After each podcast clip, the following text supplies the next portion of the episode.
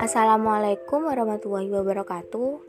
Saya Hilmi Zivatul Jannah dari Prodi S1 Pendidikan Fisika Universitas Negeri Malang.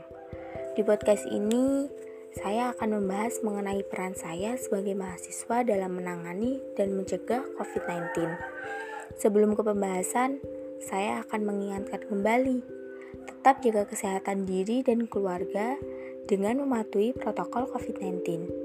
Ingat ya, pandemi COVID ini perlu kesadaran kita bersama dalam menanganinya.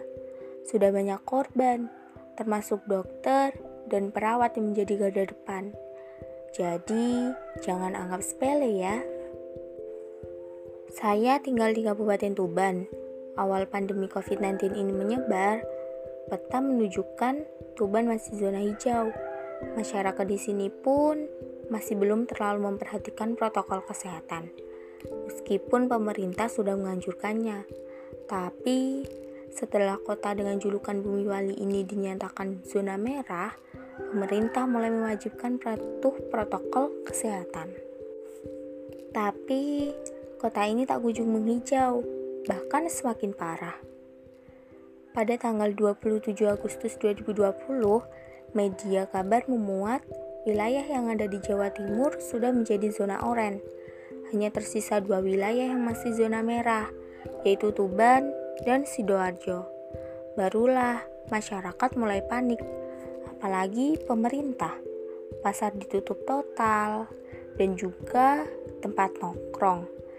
Dan pendidikan diharuskan full daring.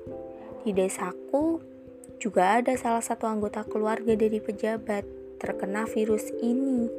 Sejak hari itu juga seluruh desa sering disemprot disinfektan cukup lama juga berada di zona merah, dan akhirnya Tuban berhasil mengkuningkan peta wilayahnya. Hal ini sedikit memberi nafas kepada kota ini, tapi masyarakat mulai mengabaikan protokol kesehatan, tidak memakai masker, tidak jaga jarak, dan wadah-wadah air di pinggir jalan yang sebelumnya terisi penuh menjadi kering tanpa setetes air dan penyemprotan disinfektan mulai diabaikan dan bahkan tidak ada lagi. Setelah itu, muncullah kabar atau isu-isu yang menyebarkan bahwa satu keluarga terjangkit virus ini, mengharuskan kota Tuban kembali ke zona merahnya, dan mewajibkan lembaga pendidikan menutup kembali pembelajaran luring sampai detik ini. Mirisnya, masyarakat di daerah ini sudah menganggap bahwa virus COVID-19 tidak semenyeramkan awal berita. Mereka bertindak dan beraktivitas biasa seperti halnya tidak ada ancaman dalam pandemi ini.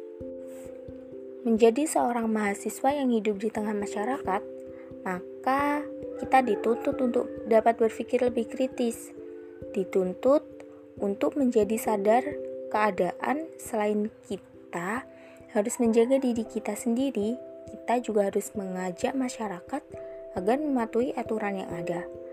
Seperti contoh, kita remaja desa membagikan seribu masker kepada warga agar senantiasa menjaga kesehatannya.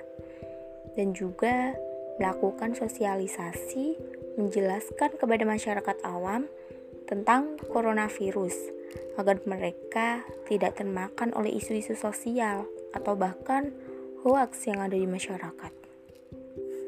Kita juga harus selalu mengingatkan, selalu mematuhi protokol kesehatan, serta menjalankan anjuran dari pemerintah untuk selalu memakai masker ketika harus melakukan kegiatan luar ruangan. Rajin cuci tangan, selalu menjaga jarak, dan menjaga kesehatan dengan menjaga kebersihan di lingkungan itu tadi keadaan di daerahku. Sekian dulu. Mohon maaf jika ada salah kata. Wassalamualaikum warahmatullahi wabarakatuh.